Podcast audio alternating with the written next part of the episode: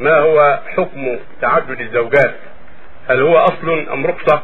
وما هي الضرورة التي تنطبق عليها هذه الرخصة إذا كانت رخصة؟ تعدد الزوجات قربة وطاعة وليس الرجال رخصة. تعدد الزوجات قربة وطاعة وعمل صالح. فيه تكثير الأمة وفي عفة الرجال والنساء وفيه القضاء على أسباب الفساد والسفاح.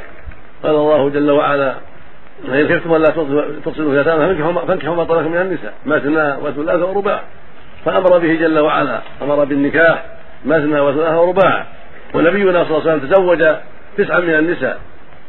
مات عن تسع من النساء وتزوج مع ذلك امرأتين سابقتين. وعنده جاريتان عليه الصلاة والسلام. فالمقصود أن تعدد النساء أمر مطلوب مع القدرة عليه ومع العدالة في ذلك. فإذا كان قادرا وعادلا فهو مشروع له أن يعدد حتى يكثر الأمة وحتى يكون أعف لفرجه وأعف لبصره.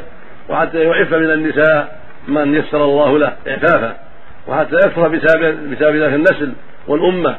والنبي عليه الصلاة والسلام قال تزوجوا الودود الولود فإني مكاثر بكم يوم القيامة.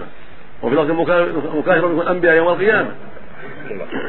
فإكثار من يعبد الله في الأرض ويصلح في الأرض ويقوم بالخلافة أن الرسل فيما دعوا إليه هذا خير عظيم. فنسأل الله يوفق المسلمين للهدى والصلاح والزوجات الصالحات والأزواج الصالحين. فإذا وجد الزوج الصالح والزوجة الصالح فالخير كثير والمصلحة عظيمة. ولا يخفى أن الناس قد يبتلون بحروب وأمراض وغير ذلك. فتعدد الزوجات فيه مصالح كثيرة. الزوج يعف الله به فرجه ونظره. فإن المرأة تبتلى بالمرض تبتلى بالحيض والنفاس تبتلى بأشياء تمنع الرجل من التمتع بها. إذا كان عنده ثانية وثالثة ورابعة انتفع بهذه وهذه وهذه في قضاء وطره وفي عفة فرجه وفي غض بصره وهكذا النساء. قد يبتلين بالفقر قد يبتلين بالحروب فإذا كانت تحت في ظل زوج يقوم عليها ويحسن إليها ويعفها ويحميها. فربع زوج أو ثلث زوج أو نصف زوج خير لها من عدم ذلك. فالمصالح في هذا كثيرة مع العدالة ومع الاستقامة ومع تقوى الله ومع النصح. ففي هذا خير كثير. أما مع الظلم والعدوان فلا يجوز ذلك.